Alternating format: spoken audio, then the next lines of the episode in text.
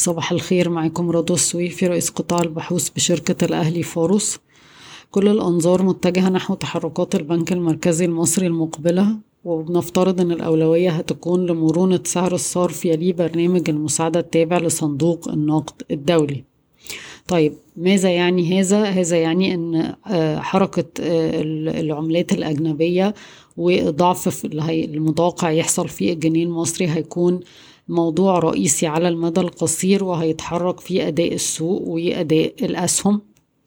وبالتالي إحنا شايفين إن إحنا المفروض نبتدي نبني مراكز في الأسهم اللي هي تعتبر المستفيد الرئيسي من أي ضعف ممكن يحدث في سعر الصرف المحلي. وفي نفس الوقت تكون مش بتخسر كتير مع الضعف التدريجي في أسعار السلع العالمية لأن في الفترة اللي فاتت بدأنا نشوف إن أسعار السلع العالمية بشكل عام بدأت تهدي حتى لو ببطء. طيب مين هي الأسامي اللي إحنا شايفين إن ممكن تستفيد من الأوضاع الحالية؟ واحد النساجون الشرقيون وإحنا اتكلمنا عليه قبل كده لأنه أحد المصدرين الرئيسيين اللي هترتفع مبيعاتهم التصديرية مع ضعف سعر الصرف في السوق المحلي. طبعا إحنا مدركين إن أحجام المبيعات ممكن تكون ضعيفة بسبب تباطؤ المبيعات في الدول الأجنبية ولكن ضعف العملة المرة دي كان يمكن أعلى من يعني أي حجم انخفاض في أحجام المبيعات وبالتالي هيعوض أي انخفاض في أحجام المبيعات وغالبا هيبقى أعلى منه. السهم كمان بيدي عائد مرتفع مع عائد توزيعات حوالي 12% زائد طبعا الانخفاض في أسعار البولي بروبيلين هيعتبر جيد للهوامش اللي هبتدي تتعافى تدريجيا مع بعد مع بدء ظهور المواد الخام منخفضة التكاليف تدريجيا في الأرقام. زائد طبعا إن إحنا في السوق المحلي هنا في رفع للأسعار وده هيدعم المبيعات المحلية بشكل عام حتى لو أحجام المبيعات ضعيفة. السهم بيتم تداوله عند مضاعف ربحية أربعة وتلاتة من عشرة مرة لعام عشرين اتنين وعشرين ومضاعف اي في تو ابدا أربعة وأربعة من عشرة مرة. طيب السهم التاني اللي عايزين نتكلم عليه هو السويدي.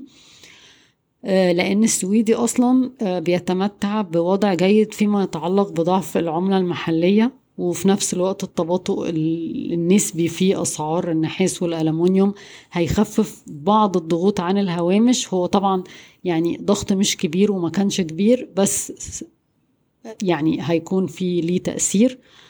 كمان الشركة عندها خطط توسعية قوية على مدى العامين المقبلين. وهتبتدي الهوامش تتحسن يمكن بعد ما فترة الصرف على التوسعات دي تبتدي تهدى. وكمان السهم بقاله سنتين تقريبا بيواجه ضغوط كبيرة قوي مما أتاح مجال إن هو يبتدي يحصل فيه ارتفاع من المستويات الحالية. السهم بيتم تداوله عند مضاعف ربحية خمس مرات لعام عشرين اتنين وعشرين ومضاعف EV to EBITDA أربع مرات. السهم الثالث اللي عايزين نتكلم عليه أوراسكوم للتنمية مصر لأن طبيعي جدا إن يبتدي يحصل إعادة تقييم لأي أصول حقيقية وإعادة تسعير للأصول الحقيقية في أوقات التضخم المرتفع. وده طبعا هيحصل مع الضعف اللي حصل أو اللي هيحصل في سعر الصرف. زائد طبعا إن يعني أي تغير في سعر الصرف ده بيعتبر مؤثر وبيغذي بشكل مباشر تقييم البنك العقاري المتبقي في الجونة لأن هو بيتقيم بالدولار وبيتضرب في سعر الصرف. طيب السهم بيتم تداوله عند مضاعف ربحية تلاتة وأربعة من عشرة مرة لعام عشرين اتنين وعشرين ومضاعف إي في تو ابدا اتنين ونص مرة. طيب آخر سهم هتكلم عليه هو البنك التجاري الدولي لأن ده هيبقى رهان على تحسن البيئة الاستثمارية بشكل عام لو فعلا نجحنا في استقرار سعر الصرف والحصول على مساعدة صندوق النقد وبدأت المناخ الاستثماري مع الاستثمارات الخليجية وما إلى ذلك تبتدي الدنيا تتحسن والاقتصاد يبتدي يعني يجني ثمار التغيرات اللي من المتوقع إنها تحدث على مدى الأشهر القادمة القليلة.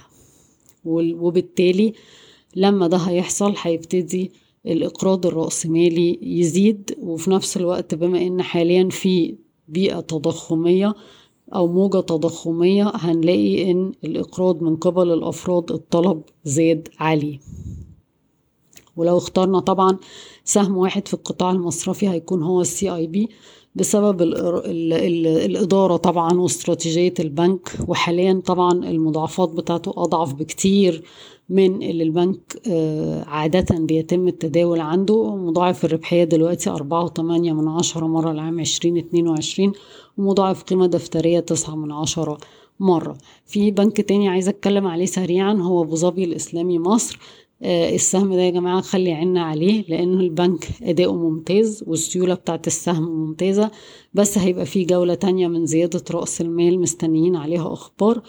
آه بس يعني هي دي ممكن تبقى العائق, العائق الوحيد. بس غير كده السهم رخيص جدا عند مضاعف ربحية واحد وسبعة من عشرة مرة لعام عشرين اتنين وعشرين مضاعف قيمة دفترية تلاتة من عشرة مرة.